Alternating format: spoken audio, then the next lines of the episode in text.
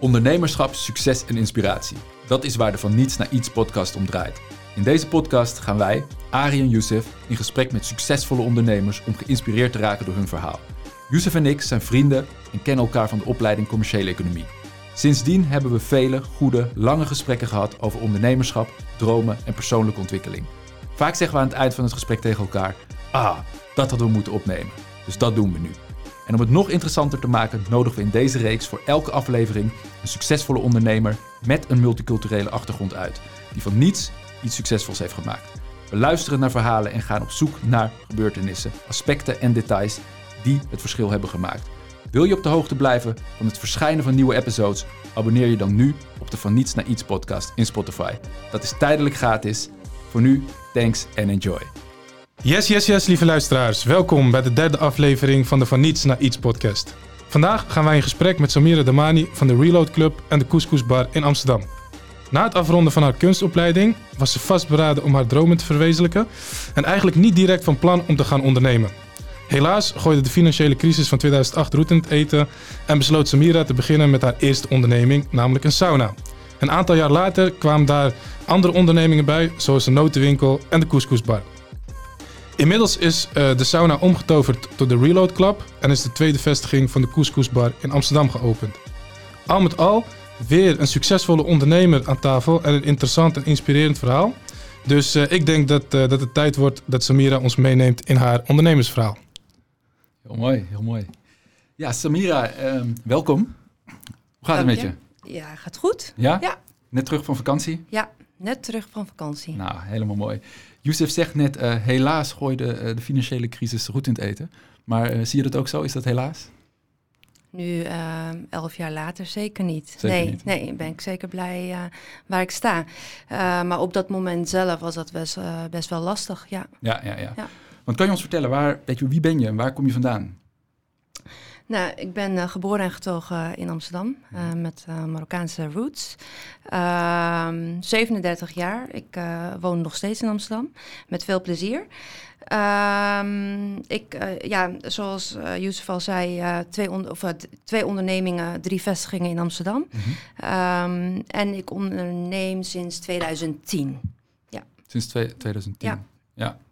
Oktober 2010. Dus over twee weken vier ik elf jaar. Ja, kijk. En, en wat was, uh, waar begon je mee in 2010? Uh, met de sauna. Met de sauna. Ja. En dat was dus, nou, uh, Youssef gaf aan, um, je hebt een kunstopleiding gedaan. Ja. Um, wat was het idee van die kunstopleiding? Wat, wat was het voor opleiding? Ik heb uh, architectonisch vormgeving gestudeerd. Kijk eens. Dat is uh, 3D, 4D uh, objecten ontwerpen. Oké. Okay. Um, met heel veel plezier. -hmm. En met ook veel overtuiging dat, dat ik daar werk in zou kunnen vinden. in 2008 dus ook afgestudeerd. Um, ik heb of all places in Enschede gestudeerd. Mm -hmm. Maar dat even terzijde. Dus ik, ik kwam volle hoop weer in Amsterdam wonen.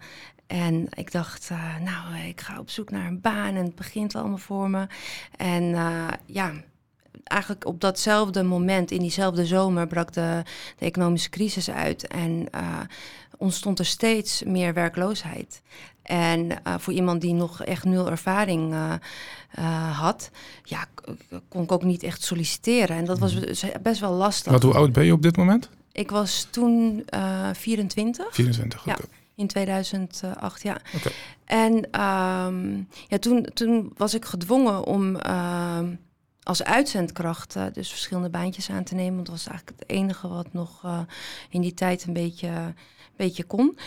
Um, en toen uh, kwam ik in uh, 2010, begin 2010, kwam ik een, ja, een pandje tegen. Het is een bijgebouw van een kerk in Amsterdam-Oost. Het, is staat, het is een vrijstaand gebouw en ik werd daar echt op slag verliefd op. Ja. Ik dacht, wow. En daar zat al een sauna in. Oh, er zat een sauna in al? Ja. en toen dacht ik, wow, ik, ik, ik ga kijken of ik dit over kan nemen. En ja, ik zag het eigenlijk helemaal voor me, want ik ben natuurlijk ook visueel opgeleid. Dus eh, ja, dat, was, dat is voor mij best wel makkelijk om dat allemaal voor me te zien. En dus ik naar die, naar die eigenaar en ik zeg, ja, ik wil het graag overnemen. En kan dat? En, en dat kon, want hij wilde er al echt best wel lange tijd vanaf. Maar was het de koop of de huur op dat moment? beide niet. Ik, ben, ik heb het gewoon gevraagd. Ja. ja. Mhm. En, en, en, en hij, hij, hij, hij wilde het verkopen. Uh, maar ik moest natuurlijk nog wel het geld hebben. Mhm. En uh, nog steeds in mijn naïviteit, want op dat moment was ik 26, dacht ik, oh, ik uh, schrijf wel een ondernemersplan en ik ga wel naar de bank en dat komt wel goed. En, maar natuurlijk niet, want de economische crisis, ja, je kreeg gewoon geen, geen, geen euro ja. ja. bij, de, bij de bank. Mm -hmm. En um, ja, zodoende heb ik, ben ik weer met hem gaan onderhandelen. En um, toen zei hij tegen mij, weet je wat... Um, als jij uh, de helft van het, van het bedrag um, uh, kan betalen, dan mag je aankomende twee jaar um, dat rentevrij uh, aflossen. Okay. De andere helft. Ja. Um, hij vroeg er 85.000 euro voor. Okay. Dat vond ik heel veel geld. Mm -hmm. En toen ben ik met hem gaan onderhandelen en dat werd 65.000 euro. Mm -hmm. En toen kon ik dus de helft, uh, toen de tijd heette het nog geen crowdfunding, maar ben ik uh, langs familie eigenlijk uh, een crowdfunding begonnen. En ja, zo ben ja. ik eigenlijk aan die eerste 35.000 euro gekomen. Ja, kijk, ja. mooi. Maar op de, en op dat moment um, weet jij, nou ja, ik, ik zie een mooi pand, maar je weet nog niet ja, welke kant je op wil met je sauna. Of weet je dat ook al? Nee, ik dat wist... ontstaat later. Volgens mij was ik nog nooit in een sauna geweest. Oh. uh, wel een hammam, maar mm -hmm. uh, volgens mij was ik nooit in een sauna geweest. Dus, ja, eentje van de sportschool, maar... Ja, maar kan je ons dan meenemen, weet je, in, in dat proces? Dus je ziet een pand, je wordt verliefd op het pand. Je begint zelfs met onderhandelen en met, uh, met crowdfunden. Dat lukt. Maar wat gebeurt er in de, in de weken, maanden daarna? Ja, ja misschien kunnen we nog een stapje terug. Mm -hmm. uh, het ondernemerschap zit bij. Ik kom uh, naast mijn studie, heb ik in de horeca gewerkt, heb ik een, een mentor ook gehad.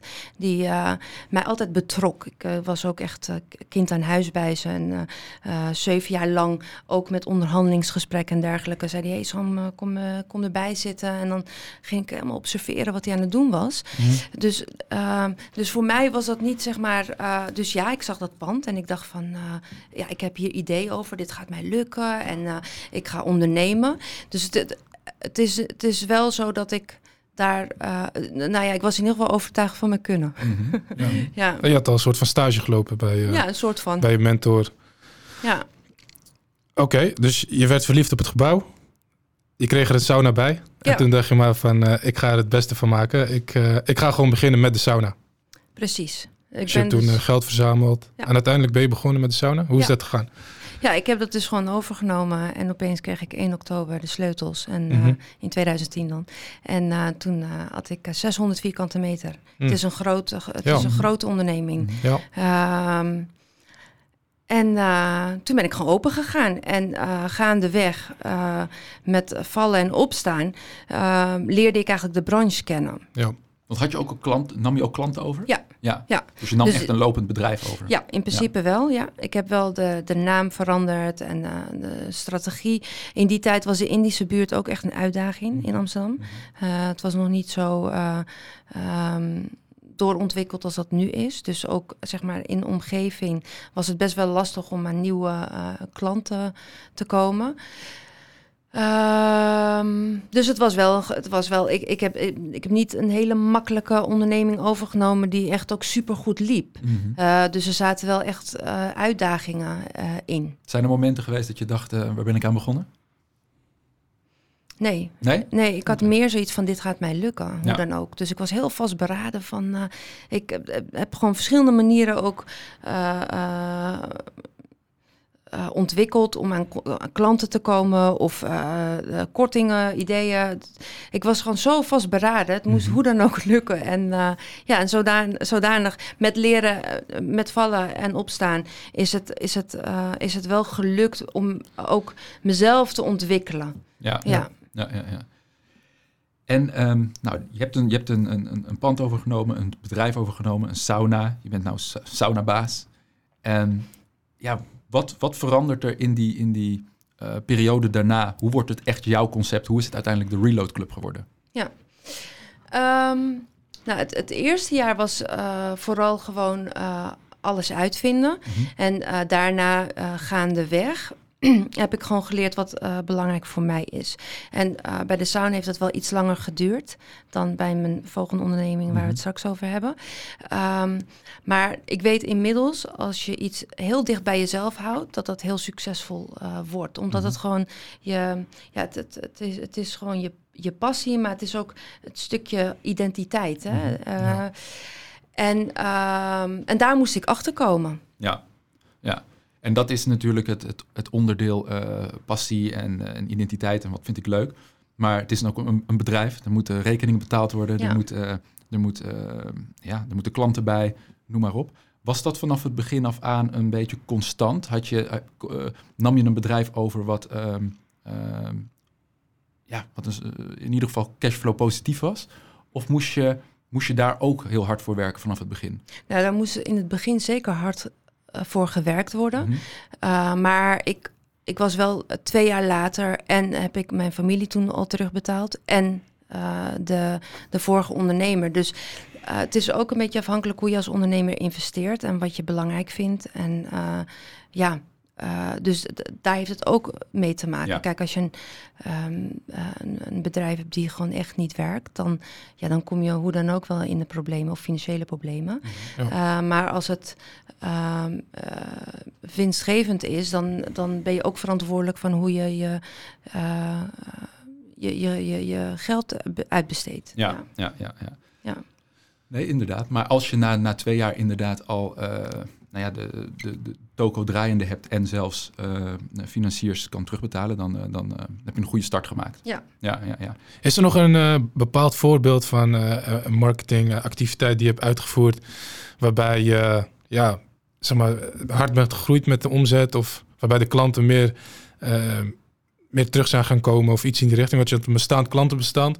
Maar je bent op een gegeven moment ben je, denk ik, gaan groeien. Want je hebt best wel snel iedereen terug kunnen betalen inderdaad. Heb je nog heb je een specifiek voorbeeld van iets leuks ja. wat je toen gedaan hebt? Ja, leuke vraag. Uh, onder andere Groupon. Ja, uh, dat was toen heel groot, hè? Het was de eer, de, ja. Ik was een van hun eerste partners. Kijk, uh, mijn, uh, gouden tijden zeg ja, ik altijd. Ja, ja. ja. Mijn, mijn, zusje was net terug uit New York. Mm -hmm. En die zei tegen mij, Groupon, daar moet je naar kijken. En uh, toen heb ik contact met ze gemaakt. En ik weet nog, we stonden met een deal. Een sauna entree en een facial. Mm -hmm. En om half negen ochtends keek ik op de, op de site, want ze hadden toen nog geen app. Mm -hmm. En toen hadden we 1600 foutjes verkocht. En we waren dus net een paar, paar uren online. Zo. Ik raakte helemaal in paniek. Ik denk, waar ga ik al Kan ze niet kwijt natuurlijk. Ja, ja. um, ja, dat is wel het meest wat me bij heeft gestaan. En ze kwamen ook over het hele land. Oké, okay, mm -hmm.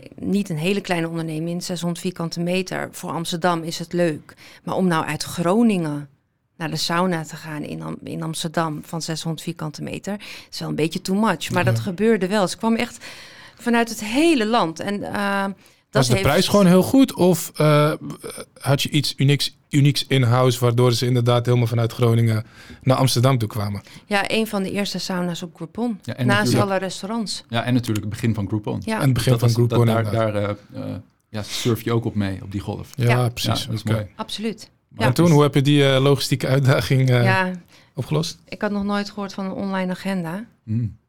Uh, ja, zo heb ik dat opgelost. Ja, op die fiets, oké. Okay.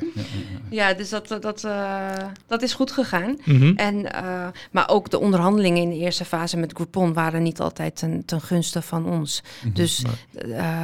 ja, ik wist, ik wist helemaal niet hoe ik dat moest doen. Of, en dat gaat nu heel anders. Dat, ja, ik, Doe je dat nog steeds? Groupon? Ja. Uh, met de Reload Club. Ja, ik ben een aantal jaar gestopt geweest. Uh, na COVID zijn we begonnen met, ja. uh, met een deal, ja. Op Groupon moet je natuurlijk flinke korting geven. Ja. Maar als je een concept zoals Reload Club hebt... of een wellness center zoals de sauna voorheen... dan maken die mensen wel kennis met het concept. En dan kunnen die mensen terugkomen. Dus je geeft ze de eerste keer wat korting. soort voor het entreebewijs. En als de ervaring positief is dan denk ik dat die mensen terugkomen. Dus je kan het ook zien als een soort van marketing tool waarbij break-even met de entreekaart uh, draait als het ware. En als die mensen een beetje uit de buurt komen, en Amsterdam is redelijk groot en alles wat er daaromheen zit, zou je kunnen zeggen van hé, hey, die mensen komen terug. Heb je dat gemerkt? Ja, alleen je, je, je hebt wel uh, een paar keer een korting nodig. Want het moet, het, het moet een, in, een, in het systeem komen te zitten van, uh, van de gasten. Ja, ja. Dus na de eerste keer zijn ze nog steeds niet helemaal overtuigd. Dus ze moeten zich kind aan huis voelen. Dus het moet een gewoonte worden. Het ook. moet een gewoonte Ja. worden. En, en hoe trek je ze terug? Is dat dan weer met een groep? Met dezelfde Ja, toch wel? korting die ze dan ter plekke betalen en boeken. Dus we doen eigenlijk gelijk een rebooking. Ja. Oh, ja. En op die manier weet je zeker dat ze dus nog een keer bij je binnenlopen. En dan ontstaat er dus een hechting. En, uh, ja, en daar gaat gewoon heel veel tijd en energie naartoe. Ja. Um, en zo, zo, zo doen we dat. Ja. Maar de Reload Club is ondertussen, uh, want we doen het met één space, we doen het alleen met één behandeling uh, via Groupon. Want we zijn bij de Reload Club echt veel meer dan alleen die, die, die behandelingen. Ja. Ja. ja, wat doe je allemaal in de Reload Club? Wat bied je allemaal aan? Ja, het is een, het is een holistisch concept. Dus het gaat Mhm. over uh, body, mind, uh, um, uh, spiritualiteit hebben we ook heel veel. Mhm. Um, yoga, uh, sporten, dus bootcamp en dergelijke.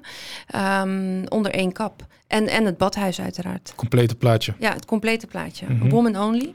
Mhm. Woman only. Ja, woman only. En, um, en, en allerlei behandelingen. Dus uh, zoals uh, pedicures, manicures, facials, massages en dergelijke. Ja. Dus als je, je daar ook, geweest bent, ben je helemaal zen. Je Zowel helemaal eh, zen. spiritueel als, of tenminste zowel geestelijk als fysiek, ben je gewoon helemaal topfit. Ja. Ja. Vandaar ook de naam, Reload Club. Ja, je bent helemaal herladen. Okay, klinkt ja. goed. Uh, ik ben, ik weet niet of jij, Harry, ik, ik ben wel benieuwd hoe je zeg maar van de traditionele sauna zeg maar naar het concept Reload Club bent gegaan. Is daar, is daar een overgang in, overgang, in, overgang in geweest? Of heb je eerst nog een andere onderneming opgezet? Hoe kun je ons eens meenemen? Ja, uh... ja, uh, ja, zeker. Uh, bij de sauna is het als volgt gegaan. Ik heb gewoon echt uh, na de eerste twee, drie jaar, wat best wel hard werken is, heb ik Mhm. goede tijden gekend. veel kunnen sparen, veel verbouwd ook aan de zaak en daarmee ook mijn andere zaak geopend. En um, maar je moet ook meegaan met de tijd. Dus wat ik heb gezien is dat uh, wij... Uh, hè, op een gegeven moment kwamen er steeds meer grotere sauna's... dus Spa Zuiver en dergelijke... die ook gingen stunten met hun prijzen... en die kwamen in de buurt van onze prijzen. Dus er moest... Er moest, moest iets, iets veranderen. Ja. Ja. ja. En, maar daar, daar, daar, ondertussen was ik heel erg bezig met... Uh, ook allerlei zelfontwikkelingen... zoals ademwerk en... Uh, allerlei andere verschillende dingen. En dat sprak me heel erg aan. En dat sloot heel erg goed bij mij zelf aan van hoe ik eigenlijk in het leven stond.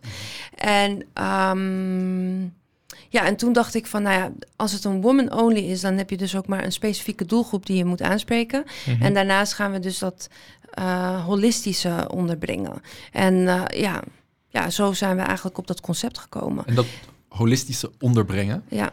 Dat betekent uh, eigenlijk dat je, dat je breder gaat. Ja. Toch? Ja. ja, ja, ja. Dus Ja. Dat, heb je, dat ben je toen gaan doen. Ja, precies. Meer kennis in huis halen. Mhm. Um, en veel dieper. Dus het was, want hiervoor was het ook oppervlakkig. Je kwam of voor de sauna. Mhm. En hadden we ook wel uh, wat te eten. Was, er zat een, stukje horeca aan. Of voor een behandeling. En nu uh, creëren we ook echt een clubgevoel. Ja. En um, waardoor je gewoon een membership uh, ook aansluit, zoals bij een sportschool. Ja. Uh, alleen heb je naast de yoga of de bootcamp, kan je ook nu naar een maancirkel gaan of een vrouwencirkel of een ademwerk. En het is ook echt van deze tijd. Mensen die. Um, ja, uh, tenminste, of de vrouwen die bij ons naar binnen lopen, die verwachten ook dat stukje spiritu spiritualiteit. Ja, dat, is, dat sluit aan bij ze. Mhm. Mm -hmm. Maar ook bij ons, dus uh, de founders. En, ja. uh, dus het ja. wordt belangrijker om echt je, je segment, je doelgroep uh, goed te kennen. Ja. En, en, en dan, kan je, dan kan je een heleboel. Want er, is een, er is een hoop tegenwoordig. Ja. Wat mogelijk is. Ja. Mooi, mooi. Je geeft, je geeft net aan, um, ik heb in de tussentijd kunnen, kunnen verbouwen, kunnen sparen. En uh, tussen neus en lippen door zeg je. En ook een andere zaak kunnen openen. Ja. Over welke zaak gaat het dan? Uh, het heet Strong Food. Mhm. Mm -hmm. uh, dat is een, eh, een notenzaak. het is bedacht eh, onder zo gezond mogelijk um, um, noten en zaden en superfoods aan te bieden in de levendige Javastraat. Mm -hmm. Welk, Eh, welk jaar was dit? 2016. En je was hoe oud? Weet je dat nog? Ja, ik was 32 geloof Oké. ik. Ja. Leuk. Ja. ja. Ehm, daar heb ik me echt behoorlijk in vergist. Ehm, nou, echt maandenlang verbouwd. eh, hè, ik kon eindelijk weer ontwerpen en eh, allerlei kanten op gaan. Ehm, en toen zijn we open gegaan. En eigenlijk eh, vrij onmiddellijk merkte ik al dat, dat het helemaal niks voor mij was. Mhm. En dat had heel erg te maken met ja, hoe ik moest inkopen en, eh, en eh, de omzetsnelheid. Dus hoeveel klanten ik eh, op, op een dag zou binnen moeten krijgen om Mhm. dus eigenlijk mijn marges te behalen. En ehm, ja, en toen zat ik dus met handen in mijn haar. Want ja, ik had een, een contract van vijf jaar getekend voor, dat, voor die locatie. Ehm, ja, toch wel gerommeld in die zaak. Van nou, oké. ehm, nou, ik vond het allereerst niet leuk en het werkte niet. Hè? Dus het was ook. De, een- de- de- ik kreeg er ook geen. Nee, het werkte ook niet. Maar het was, je zou zeggen, 2016, was, dat is wel een moment waarop eh, alles om eh, strong food en superfood en noem maar op, was wel, was wel trending. Ja, En, eh, en op die trends ben je ook al ingesprongen, Mhm. Ja. denk ik. ja. Zeker. Ja, Ja. maar op een gegeven moment zat je wel met een, eh, met een, met een bakje chiazaad in de ochtend en dacht je van, hé, hey, wat, eh, waar gaat het heen? Ja, Ja. precies. En ik denk dan eh, ook in dit verhaal, de energie was niet oké. Het, het zat gewoon niet, eh, het was, zat niet dicht bij me. Dus als je het hebt over van, het was een, in die tijd dus echt een hype. Ja, daar ben ik in meegegaan. En dat was dus niet iets wat, wat, wat ik zelf eigenlijk heel graag wilde. Mhm. En eh, ja, daar heb ik wel een harde les geleerd. Oké. Ja. ja. Want hoe heb je, hoe heb je, eh, hoe heb je die conclusie gemaakt en hoe heb je een volgende stap gemaakt op dat moment? Dus op een gegeven moment heb je dan door, oké, dit ik, ik zit met een, eh, met een uitdaging, noemen we dat dan. Ehm, what's next? Ja, next was. ehm, ik ben toen gevraagd eh, om te cateren op de Hogeschool van Amsterdam vanuit Mhm. Strong Food. En toen dacht ik, ja, moet ik dit doen? Ehm, ja, dan heb ik weer een andere locatie wat ik ook nog, eh, waar ik ook verantwoordelijk voor ben. Maar ik ben het uiteindelijk wel gaan doen. Dat was ook mijn redder, want dat heeft me zoveel eh, financieel ook opgeleverd dat ik eigenlijk Javastraat gewoon kon aanhouden. Of het nou dicht of open was, maakte niet zo heel veel uit. Mhm. En ehm, op datzelfde moment was een artikel in het Parool, eh, dat ging over mono-ondernemen. Dus één, één product en dat zo goed mogelijk te doen. En, ehm, en op de HVA was ik allerlei dingen aan het uittesten. Want ja, je kon in de kantine, kon je gewoon voor alles doen. En ik ging dus eh couscous eh, verkopen. Oh, dat heb je daar ook gedaan. Nou ja, dat ging ik gewoon doen. Eh, zo, ik, had- ik had daar nog niet echt een specifiek idee bij. Maar dat liep zo goed. Toen dacht ik, hé, hey, gewoon couscousbar beginnen. En toen ben, ik dat, toen ben ik dat gaan onderzoeken. Mhm. En toen eh, heb ik ook contact opgenomen met Nadia Zawali. Dus mijn compagnon ook bij, bij de couscousbar. En eh, ja, die vond het ook een goed idee. En, eh, maar ja, wat, wa- hoe ga je dat vormgeven? Mhm. Ja, dat was nogal... eh, Een uitdaging. ja, een uitdaging, maar het was ook iets van, ja, waar ga je naar kijken? Welke, welke voorbeelden zijn er op de wereld? Mhm. Eh, behalve couscous-restaurants in Marokko die eh, eh, alleen op de vrijdag couscous serveren. Dat heb je overigens op een paar locaties in Amsterdam ook, dat ze vooral op de vrijdag eh eh, couscous eh, hebben. Dus wij hadden nog niet echt ook ehm, eh, een plek wat we als inspirerend hadden van, oh ja, dit, dit, dit, dit. eh, Dit moet het zijn. Je was echt op zoek naar de 2.0 versie. Ja, of Maar- er was gewoon geen eens 1.0. Ja. Nee, maar, die- maar het, was want die was er begonnen, niet. het was begonnen op de HVA dus. Dus je hebt daar wel couscous verkocht. Ja, En hoe, hoe heb je dat gedaan? Had je dan, ehm, had je, maakte je dan bakjes? Of hoe, hoe, en je verkocht het aan studenten? ja, we Ja. gingen couscous stomen en daar hadden we dan gewoon lekker eh, eh, bouillon overheen en groenten. Ehm, en dat was het. Eh, maar om een echt een, een ehm, takeaway zaak eh, daaromheen te bedenken, heb je wel meer dan één gerecht nodig of één smaak. Ja. Dus, ehm, Dus, ook we- een beetje inspiratie. ja, ook inspiratie van hoe, eh, hoe doen anderen het. Ehm, we hebben dus, we zijn één couscousbar tegengekomen in Frankrijk. En een Marokkaanse couscous is eh, met zeven groenten. Dat is zeg maar de klassieke Mhm. Marokkaanse couscous.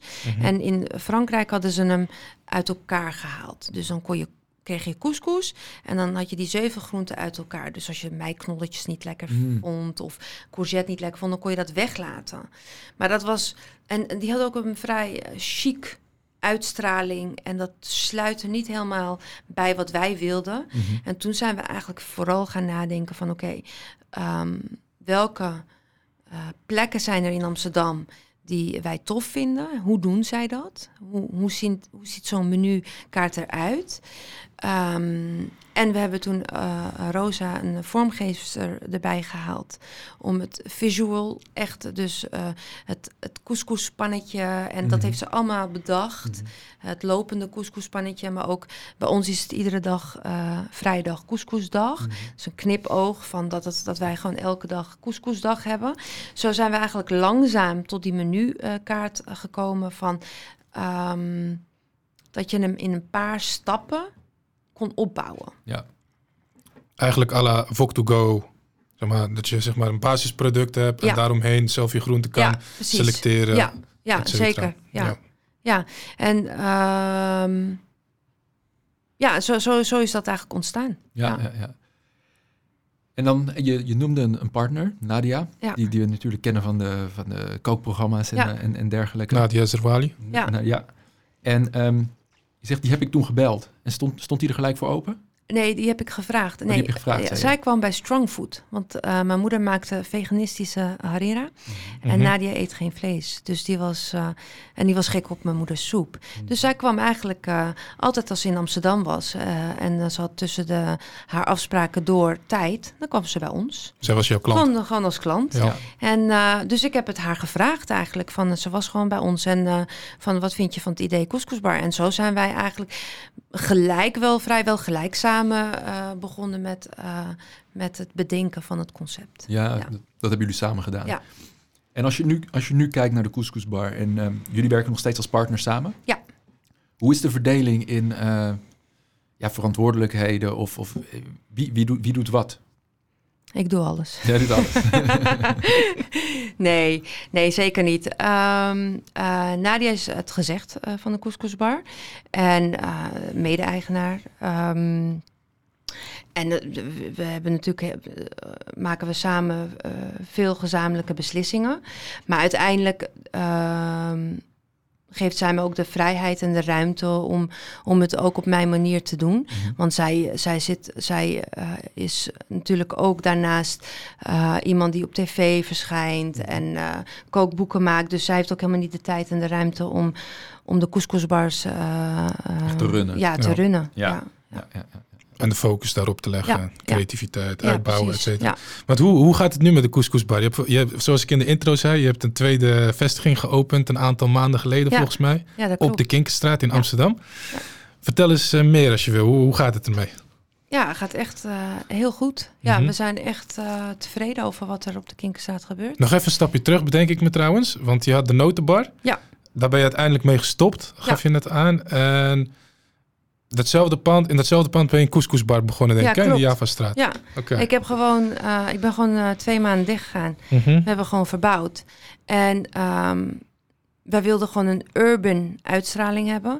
Dus heel toegankelijk. Mhm. Wel met Marokkaanse invloeden, maar in een soort van eh, industrieel-achtig jasje. Mhm. Maar wel gekookt door de Marokkaanse moeders. En we hebben beide locaties hebben ook open keukens. Dus dan zie je die moeders ook koken Ja, en de mooi, gezelligheid. Ja. ja. En ehm, dus dat, dat was een beetje eigenlijk het idee. En ehm, ja, en, en, en mijn moeder heeft daar een hele belangrijke rol ook in gespeeld. Mhm. Eh, in, in hoe de, ja, de, de, de, de groenten gesneden worden tot aan eh, de kruiden en dergelijke. Daar is zij echt de founder van. eh, Ja. Zij is de chef-kok van het recept. Absoluut. ja, en maar er, zijn, er zitten ook technische dingetjes eh, die, die, die zij echt bedenkt. Het is echt het is fantastisch hoe, eh, hoe creatief zij is en, Ja. eh, en wat zij allemaal kan. Ja, Zou je het van haar hebben? Of, eh? ja absoluut. ja. Ja. kijk. Maar wat, wat bedoel je met technische dingetjes die, die ze bedenkt? Wat, heb je een, een voorbeeld van? Ja, eh Herrera bijvoorbeeld, daar een bouillon van creëren, dat is onmogelijk eigenlijk. Maar als je dat kan doen en dat zo goed kan behouden, dat is wel echt, Dat is uniek. echt uniek. Ja. Of ehm, ja, ze heeft wel echt v- veel, veel, eh, veel dingen bedacht eh, Ja. wat betreft. De, de, de kruidenmengsel is ook eh, eh, iets wat zij heeft eh, eh, gemaakt. En dat laten we door eh, een fabrikant ook eh, mengen. Oh, toch wel? zodat, ja, zodat we straks eh, hè, Ja, meerdere locaties zijn, dat dat gewoon allemaal overal hetzelfde smaakt. Ja. ja kun je opschalen.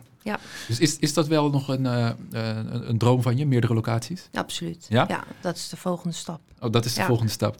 Want op dit moment werk je dus met, eh, met eh, ja, ik heb je eerder horen zeggen, Mar- de Marokkaanse mama's. Die in de keuken staan, wat natuurlijk, ik, ik denk ook een, een, een, een gouden formule is. Al is het in de, weet je, de authenticiteit die het uitstraalt. Eh, want dat is natuurlijk wel wat je zoekt als je denk ik naar een couscousbar gaat. Het is ook een traditioneel recept. Dus dan is het mooi als de mama's het op de traditionele manier kunnen maken. Ja, Ja. precies. Ehm, maar je kijkt dus ook naar, een, eh, naar, een, naar, een, ja, een, een, naar meer locaties en een, eh, een schaal, ja, de schaalbaarheid van je concept. Hoe, hoe schaalbaar is het op het moment dat je ook die authenticiteit wil behouden? Is dat, is dat mogelijk of is dat in ieder geval een, eh, ehm, een uitdaging? Het is, het is mogelijk, maar het is ook een uitdaging. Mhm. En dat zit hem vooral in het werven van de Marokkaanse moeders, want die Mhm. zijn er genoeg. En ehm, Dus daar zit te- niet de uitdaging of wel? nou ja, voor een gedeelte wel, want je Mhm. moet ze overtuigen om de eh, arbeidsmarkt te betreden als ze dat dus nog nooit in hun leven hebben gedaan, Ja. is dat heel beangstigend. En daar lopen we heel erg tegenaan. Ja. Ja. Maar je, ver- je verlaagt wel de drempel, toch? Op, als, ik, als ik hoor hoe het concept is en dat er dat je met een, een grotere groep eh, Marokkaanse mama's samen in de keuken staat en, en eigenlijk je, ja, je cultuur kan uitdragen op een manier die misschien niet eerder ehm, in Nederland zo is uitgevoerd. Ja. Ja, we hebben daar enorm ons best voor gedaan. Op, op, heel, veel, eh, op, op heel veel vlakken. Dus niet alleen in, eh, in hoe je voedselveiligheid, eh, of niet alleen in voedselveiligheid, maar ook in dat we alleen met vrouwen werken, dat we halal zijn. Dat zijn allemaal belangrijke punten voor die moeders. Maar toch blijft het voor hun een persoonlijke strijd. Blijf Ja. ik thuis of ga ik werken? Ja. En daar zit er wel een uitdaging Ja, in. precies. Ja. Ja, ja, ja. Ja. ja, ja. Nou, interessant, uitdagend, maar wel, Ja. een, eh, wel een mooie uitdaging. Misschien is het Zeker. een idee om eh, op een gegeven moment jouw moeder eh, inderdaad chef recept te maken. En dan in een soort van eh, opleidingsinstituut eh, allemaal mensen op te leiden die dat uiteindelijk kunnen doen. Ja, Op de traditionele manier. ja dat, zou heel, dat zou ook leuk zijn.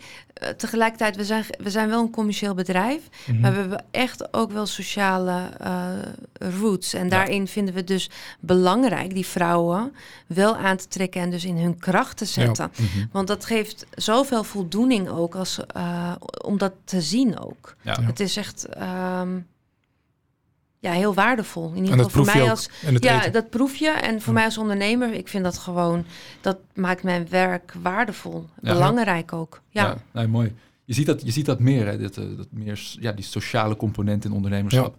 Ik eh, las een tijdje terug een artikel en daar, dat ging over een koekjesfabriek in de, in de US. En die hadden als motto, eh, we don't, wat, even kijken, wat was het? We don't bake cookies to, we don't hire people to bake cookies, we bake cookies to hire people. Ja. Ja, een hele Andersom. andere, andere, Ja. aanpak, maar wel, eh, maar wel heel interessant als je er ook logisch over, als je erover nadenkt. Best Ja. wel logisch dat het, ja, dat je toch ook een andere eh, manier de, de, de markt kan betreden. Ja, Ja, ja. en dat is wat Samir eigenlijk ook doet met de couscousbar. Je creëert een bepaalde omgeving waar die moeders zich op hun gemak voelen. Een stukje authenticiteit, alles erop en eraan. Ja. Ja. Maar Samira is ook wel echt een ondernemer. Die wil ook een resultaat aan het eind, eh, aan het eind van de streep. Ja. ja. Ja. ja, ja, ja, ja, zeker. Nee, mooi. Ehm, nou ja, ik denk dat dat ook duidelijk laat zien wat, wat, die, ja, wat je achtergrond, ehm, wat voor rol die speelt in, jou, in jouw verhaal, eh, in je ondernemersverhaal. Ehm, in ieder geval, dat zie je natuurlijk al in het product terug. Maar op, eh, op welke andere manieren speelt jouw, jouw Marokkaanse achtergrond bijvoorbeeld een rol in jou, in het ondernemen? Is, speelt die überhaupt een rol? Oh, vind ik een lastige vraag. Ja. Ja, eh, nou ja, uiteraard in het product. Ehm, nou, we kiezen dan ook inderdaad dat, eh, voor dat we halal zijn. Daar eh, lopen we niet echt heel erg mee ehm, schreeuwen mee te koop. Dus hè, we hebben het niet op de raam. Of, uh, maar we verkopen bijvoorbeeld geen alcohol. Of uh, we halen vlees bij uh, Cador. En nou, dat zijn allemaal keuzes um, die, die, die, die ik maak. Mm -hmm. um, met de Marokkaanse roots. Um, maar misschien ook in het, uh, in, in, in het alledaagse en in het, uh, weet je, zijn er, zijn er bepaalde uh, aspecten die, die, die anders zijn, denk je, omdat door je achtergrond. Kijk je anders door dingen aan, wordt er anders tegen jou aangekeken als, als vrouwelijke Marokkaanse ondernemer? Um, of heb je zoiets van, nee, dat merk ik eigenlijk helemaal niet? Nou, tien jaar terug meer dan nu. Mm -hmm. Maar misschien heeft het ook met mezelf te maken. Dat mm -hmm. ik er nu niet zo meer naar omkijk. Dat ik ook zo denk van, nou, is, ik, ik, ga van mijn eigen krachten uit, dus uh, bekijk het lekker. Ja. Um, nee, ik heb, ik, ik, nee, ik ervaar daar niet zo... Uh, nee, nee. nee, ik kan daar niet zo concreet een antwoord op geven van... Uh, dit is echt een, een voorbeeld van dat ik daar dagelijks mee te maken heb. Ja, nee. ja, ja, ja. Nee, ik, ik, denk dat weet je, een reden waarom we deze podcast zijn gestart is natuurlijk ook om te kijken naar uh, ja, beïnvloed je cultuur, je achtergrond, uh, de manier waarop je je werk doet. Ik denk dat uh, ondernemers, denk ik, bij uitstek mensen zijn die voor een bepaald doel gaan en misschien niet zo letten op ja, hoe word ik beïnvloed door, door, door bepaalde omstandigheden. Maar het is interessant om, om dat te weten. Ja. Ja. ja. ja. Leuk. Ja. Ik heb nog wel een vraagje, Samira. Ik ben benieuwd waarom je uiteindelijk voor de wellness en uh, food uh, business hebt gekozen. Als we kijken naar de Reload Club Couscous Bar. Dat is wel echt die hoek. Ja. Uh, nou, met, zoals ik al eerder zei, met de sauna, dat, dat, dat is mijn... Dan ben je gewoon ingerold als het Precies, ware. ja. Alleen als ik nu die twee branches met elkaar vergelijk, gaat het wel over verbinding. Ja. Hè? En ik denk dat ze daar de raakvlak ligt. Ja, ja. Oké. Okay. Nou ja, ik, heb, ik heb nog een vraag over uh, je klanten. En eigenlijk heb ik die vraag aan Youssef. Ja. Als je kijkt naar de couscousbar, mm -hmm. welke klantsegmenten denk jij, en dan kunnen we straks checken met Samira of dit ook, of dit ook klopt, Mhm. mm -hmm. welke klantsegmenten denk jij dat het, uh, dat het belangrijkst zijn? Ik denk uh, dat je met de couscousbar een breed uh, segment klanten aanspreekt. Ik ben er zelf afgelopen zaterdag geweest, dat was heerlijk. Ik denk dat je een heel breed segment van consumenten aanspreekt. Want mm -hmm. het basisproduct is couscous. Daar kun je ook nog een volkoren variant van nemen, et cetera, et cetera. En de groente daaromheen, ja, dat is heel, heel universeel. Ik denk dat iedereen dat wel lust. Of je nou jong, oud, maakt niet uit wat je achtergrond is. Ik denk dat, dat je daar een heel breed segment mee uh, kan bedienen. Ja. En juist omdat het een monoproduct is, uh, zoals Samira eerder aangaf, is het denk ik ook wel duidelijk voor de klant wat diegene daar, daar kan kopen. Mm -hmm. Dat is met de avocado show ook. Dan weet je van oké, okay, daar ga ik naartoe. Het basisproduct is avocado, dat vind ik fijn. De meeste mensen vinden avocado fijn. Uh, ik zeg avocado, maar het is avocado. Ja, ik, ik, ik, dacht, ik, uh, ik corrigeer je na de, na de nee, maar, ja, wel. Maar, maar ik, ik, ik denk dat, ja, dat dat gewoon producten zijn die onder een heel breed publiek gewoon geaccepteerd worden. Mensen vinden dat product fijn. Dus ik denk dat je daar gewoon heel veel mensen mee kan bedienen. Ja, klopt dat? Ja, dat klopt. Welke, welke, heb je, hebben jullie een idee van jullie klanten, van jullie klantsegmenten? Of, of ja, voor een gedeelte wel. Ik, we hebben nog niet echt een uh, professionele onderzoek naar uitgevoerd. Mm -hmm. uh, we kijken dan vooral op social media van wat daar gebeurt. En um, je ziet het zijn natuurlijk wel vaak terugkerende klanten. Mm -hmm. Ja. En um, ja, maar wel jong en oud. Ja. En echt heel divers. Ja, ja, ik denk dat het interessant is, want bijvoorbeeld, um, kijk, op het moment dat jij uh, Marokkaanse klanten hebt, dan is dat natuurlijk anders ook de manier waarop zij uh, het eten beoordelen, is, zal misschien anders zijn dan wanneer uh, ja, uh, de, de, de doorsnee Nederlandse klanten, Amsterdammers, het, het, eten komen halen. Ja. Dus zien, kijken jullie daarna op een verschillende manier naar? Ehm, voor een gedeelte ja, of we daar op verschillende manieren naar nou, kijken. Om een, om een voorbeeld te geven. Kijk, ik denk dat op een moment, en dat is, dat is mijn, mijn, mijn persoonlijke idee ervan. Ik denk dat, um, stel je voor, ik ben een, uh, een Marokkaans gezin. Um, als ik eten kom halen bij de couscousbar, dan denk ik, ik ga eten halen net als thuis. Nou, weet je, mijn moeder woont ver, dus ik, ik, ik haal lekker couscous bij de couscousbar. Maar als ik een, uh, een, een, een, een doorsnee Nederlands gezin ben, dan denk ik misschien van, nou, ik ga ik, ik heb zin in een exotische maaltijd vandaag. Misschien haal ik couscous, misschien haal ik roti. Ik twijfel nog even. Dus op een bepaalde manier concurreer je uh, anders. Uh, afhankelijk van ja, het segment wat je be- bedient. Ehm, om even terug te komen dus bij mijn vraag. Is er bijvoorbeeld ehm, die, die twee segmenten die ik net noem, komen die allebei voor? Eh, zeker. Ja. En eh, bij, eh, bij dat Nederlandse huishouden moeten we ook uitleggen wat we nou precies doen. Al begint het bij het feit dat eh, ehm, zij gewend zijn om een derde aardappel, een derde groente, een derde vlees. Is het bij de couscous zijn de verhoudingen al echt heel anders. Want dat is veel couscous, veel groente, klein beetje vlees. Ja, Dat kennen we van de opbouw als grote gezinnen ehm, samen eten. Dat hebben we geëerd, ook vanuit duurzame oog minder vlees. Ja. Ehm, dus dat, dat, dat moest bij sommige mensen moest dat gewoon uitgelegd worden. En dat doen we dus met veel plezier ook via onze socials.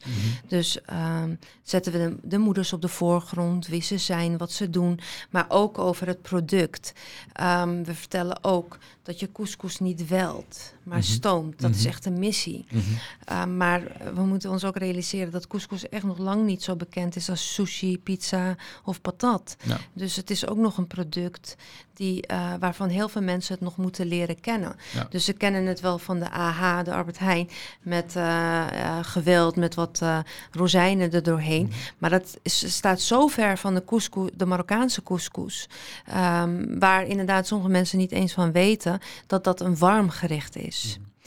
En uh, ja, dus er, uh, uh, um, ja, ik ben even mijn, uh, mijn tekst kwijt. Ja, dus er is nog een wereld te veroveren daarin. Ja. Ja. ja. want als je kijkt naar Frankrijk, daar heb je een beetje eh, rondgeneuzeld voor de, wat inspiratie, gaf je eerder aan. Volgens mij zijn ze daar wat verder, hè, wat betreft de couscous uh, bar, uh, couscous concepten. Ja.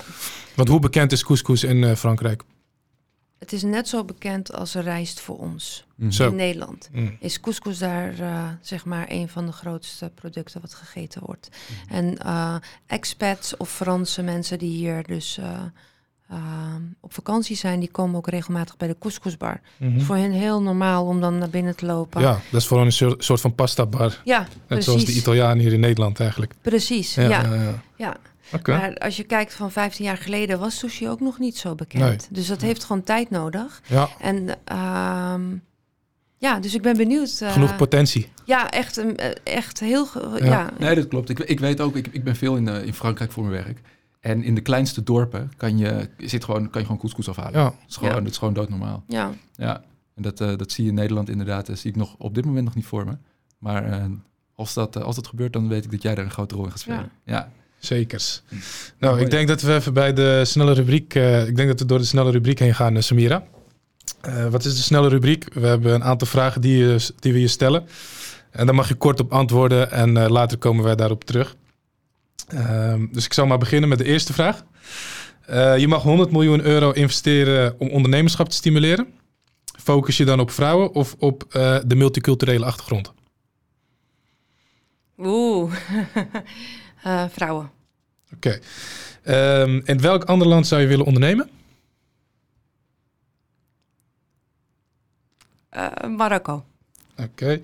Uh, mocht je een keer een kop koffie willen drinken met iemand anders, met wie zou je dat dan het liefst willen doen? Met iemand anders. Met wie zou ik dat dan willen doen? Ja, met, een, met iemand die heel veel franchise uh, business heeft. McDonald's. Ronald, Ronald McDonald? Ja. Ronald McDonald. Ja. Leeft hij nog? Nee, toch? Nee, nee. nee. nee geen nee. idee. Dan kun je in ieder geval de film The Founder bekijken. Ik weet niet of je die kent. Ja, die heb ik gezien. Oké, okay, ja, ja, ja. top. Nee, mooi. Mooi, mooi, mooi. Je zegt, uh, je zegt dus, uh, je zegt vrouwen. Op, op, de, op het dilemma over uh, investeren in, in ondernemerschap bij vrouwen of de multiculturele groep mensen. Waarom, waarom vrouwen? Ja, omdat die sowieso al multicultureel zijn. Dus dan krijg je. Um, zijn vrouwen zijn sowieso multicultureel? Nou ja, je krijgt dan verschillende vrouwen. Dus mm -hmm. dan heb je dus ook die verschillende achtergronden. Mhm. Mm -hmm. En um, ja, ik heb gewoon iets met dat vrouwelijke energie. Dat, ja. dat, dat, dat, dat, zie ik ook terug in mijn werk. En dat, dat uh, ja, dus dan voor deze dilemma kies ik dan voor vrouwen. Ja. ja. Zie je een verschil tussen uh, vrouwelijke ondernemers en, en mannelijke ondernemers? En hoe ze, hoe ze nou ja, hun, hun onderneming runnen, hoe ja. ze te werk gaan. Ja? ja. Kun je een voorbeeld, een idee van geven? Um, uh, vrouwelijke ondernemers zijn um, intuïtief, eh, eh, werken veel, intu- veel meer intuïtiever. Mhm. Ehm, Op gevoel? eh, op gevoel. Ehm, mannen zijn wat zakelijker en strategischer. Mhm. Mm, Ik denk dat dat wel de grootste verschillen zijn. Wat is een voordeel van intuïtief te werk gaan in, eh, in ondernemerschap? Op je onderbuikgevoel. Ja, is eigenlijk alleen. Ja, dus je hoeft niet echt ve- veel te onderzoeken. Je doet het op onderbuiksgevoel. Maar je kan er natuurlijk ook naast zitten. Dus het is ook meer vanuit. ehm, ja, ja, vanuit het onderbuikgevoel. Misschien iets En- wat meer bij past, Ja, als het ware. ja, en vanuit strategie ga je het toch onderzoeken. Ja. Maar dan hou je wel weer aan eh, de plan. En dan eh, kan je weer ook eh, enorm veel bereiken. Dus het is ook. eh, en ik denk ook dat. ehm, aan de hand van het plan ben je ook zakelijker. Dus dan kan je wat harder optreden. Intuïtief is ook vanuit een gevoel. Dus dan ben je ook wat zachter, denk ik. Mhm. Dus dat is dus. ja, ik denk dat dat een beetje het verschil is. Ja, het ligt, het ligt wat, wat dichter bij jezelf. Ja. Maar het is misschien, eh, misschien moeilijker om een, eh, een bankdirecteur te overtuigen van je plan als, je het, eh, ja. als het op intuïtie is. Ja, Ja. ik probeer het wel hoor, vanuit het strategie. Ja, zeker. En we hebben daar ook allerlei tools. En zeker als je een franchise-formule eh, wilt bouwen, dan Mhm. moet je daar echt wel eh, van A tot Z, eh, moet je overal regelgevingen voor hebben en dergelijke. Ehm, maar het blijft wel eh, lastig, want je, je moet je wel aan je eigen afspraken houden. En dus het is, ehm, ja, dus ik probeer het wel, maar ik ben er nog niet. Ja, ja, ja, ja. heel goed. Je geeft aan een ander land waar je wel eens zou, eh, zou willen ondernemen, Marokko. Heb je er wel eens onderzoek naar gedaan? Heb je, wel eens, eh, heb je, heb je er een, een klein beetje ervaring in, of niet? Nee, helemaal. Nou, een klein beetje ervaring met inkoop. eh, voor eh, bijvoorbeeld lavaklei voor in, de, voor in de sauna. En het is verschrikkelijk Oh. eh, om daar te onderhandelen. Toch wel? Ja, het is wel wat lastiger. Ze spreken gewoon. Het duurt allemaal wat langer. En. ehm, eh, dan hier in Nederland. En het is allemaal niet zo duidelijk. En het verschilt qua prijs heel erg. Maar wat ik heel interessant zou vinden aan, aan Marokko is een couscousbar daar. Mhm. Dus als je mij zou vragen van wat zou je daar willen doen? Eh, als je op vakantie gaat eh, in Marokko, dan vaak eet je alleen op de vrijdag couscous. Maar ja, sommige mensen zijn er maar eh, een paar dagen. Dus die Mhm. kunnen dan ook geen couscous eten. Dus het lijkt mij wel heel tof in een grote stad een couscousbar te hebben. Ja, dat is een beetje de, de Champions League van de couscousbar. ja. Ja, ja, dat zou echt te gek zijn, toch? ja, ja, Ja, die verwachtingen zijn natuurlijk heel hoog daar. Dat de mensen Ja. natuurlijk eh, het couscous recept gewend zijn. Ja, hoewel wat je, wat je wel vaak ziet is dat mensen eh, op een gegeven moment zo, zo dat traditionele gewend zijn, dat ze ook wel geïnteresseerd zijn in iets wat, eh, wat van buiten komt. Dus op, net, op een, net met een andere, eh, net met een ander perspectief Ja. gemaakt is, met Mhm. een andere insteek gemaakt Ja. is. Ik merk dat, ik merk dat toch wel. Wat ik, Zeker in de grote steden. Ja, ja, maar onze basis couscous, dus de klassieke couscous, zeven groenten en ras hanout kippendij, is gewoon eh, authentiek Marokkaans. Ze hebben gewoon niet Ja, precies. gesjoemeld. ja, Maar het concept Dus- is anders. Maar het concept Je is eet het niet anders. uit een groot bord, Nee, maar het is echt klopt. afhaal. Je kan Ja. zelf de groenten selecteren. Ja. En dat, daar staan mensen zeker voor open, denk ik. Oké, ehm, nou je gaf aan dat je koffie zou willen drinken met de eh, oprichter van eh, McDonald's. Tenminste, in ieder geval ja, dat franchise-concept verhaal. Iemand die daar goed in is. Heb je op korte termijn, eh, binnen nu en vijf jaar, eh, eh, nog eh, plannen om heel erg uit te breiden? Voor wat betreft eh, de couscousbar en het franchise daarvan. Ja, zeker. Ehm, we willen in ieder geval voor het einde van dit jaar of eerste kwartaal volgend jaar een derde couscousbar. Kunnen we hier al een eh, aankondiging doen? Waar Nee, derde helaas nog niet. Ja, nee, ik ben nog Geen zoeken- primeurtje voor nee, de podcast? Geen, helaas nog niet. Je bent nog aan het onderhandelen? Eh, nou, het, aan het onderzoeken zo- vooral. Oké. Ehm, en, eh, maar franchise zijn nu al welkom. Ja, Oké. Ja. Dus Dus hier bij dat, de eh, oproep voor... eh, ja voor de ga vrouwen. vooral kijken Ja. op de Kinkerstraat en de Javastraat hoe het eruit ziet. Ja. Oké. Eh, verder ben ik eh, nog wel even benieuwd ehm, ja, hoe ondernemerschap jouw persoonlijke leven heeft beïnvloed. Ja, de eerste eh, zes jaar behoorlijk. Ik was alleen maar aan het werk. Ehm, en ik kon het ook eh, moeilijk loslaten. Dus het was eh, vrij. eh, ik kon eigenlijk niet de deur achter me dicht trekken. Dus dat was eh, continu. eh, ja, was ik daarmee bezig. En dat, dat werd ook gewoon te veel. Dat resulteerde ook in een burn-out. En daar heb ik gewoon wel geleerd dat ik ehm, moet begrenzen. Mhm. En, maar ook moest werken aan mijn weerbaarheid. Hè? Het is ook van hoe persoonlijk kan je iets maken. Ja. En weerbaarheid waar, waartegen? Waar nou, als dingen niet goed gaan of uh, vaak niet goed gaan of als uh, weer... Er is altijd wel een, een brandje te blussen, er zijn ja. altijd ziekmeldingen, er is altijd personeelstekort. Dus je hebt met zoveel... Um, uh, Verschillende factoren. Ja, factoren ja. te maken. En um, ja, gaandeweg is het gewoon een dagelijks riedeltje. En als je dan dagelijks um, je eh, daarin kan verliezen, dan, dan wordt het best wel zwaar, ja. ja. Dus die weerbaarheid heb je echt nodig om, om het van je af te zetten, of het normaal te vinden, of het is gewoon onderdeel van je werk. Ja, ja. ja. als ondernemer ben je natuurlijk 24-7 bezig met je concepten, et cetera. Maar het is inderdaad de truc om, om daar rustig in te blijven. Hoe heb je dat geleerd? Hoe, hoe ben je aan die weerbaarheid gekomen? Hoe heb je dat ontwikkeld? Ja, ik heb op een keiharde manier geleerd. Is dat gewoon dat ik gewoon op een gegeven moment terecht kwam in een burn-out en eigenlijk helemaal dat het me allemaal niks meer kon schelen. Mhm. En dan, uh, dan begint wel een traject van uh, naar een psycholoog gaan, coach. En dat je dus eigenlijk uh, erachter komt dat het heel erg met copingmechanismen te maken heeft. En het cognitieve van ja, de, ook de, hoe je je dingen beleeft. En op die manier. Ehm, probeer ik dat nu uh, zo goed mogelijk voor mezelf vorm te geven dagelijks. Mm-hmm. Maar ik moet wel daarbij zeggen, is het blijft wel een uitdaging in sommige gevallen om ook uh, continu positief te blijven of die veerkracht uh, te vinden. Ja. Mm-hmm. ja. Want heb je een voorbeeld van wat je nu concreet doet of toen de tijd net na je burn-out echt actief hebt gedaan, waardoor je er weer bovenop bent gekomen? Of nu juist heel relaxed blijft altijd? Ondanks dat het heel moeilijk is als ondernemer zijn.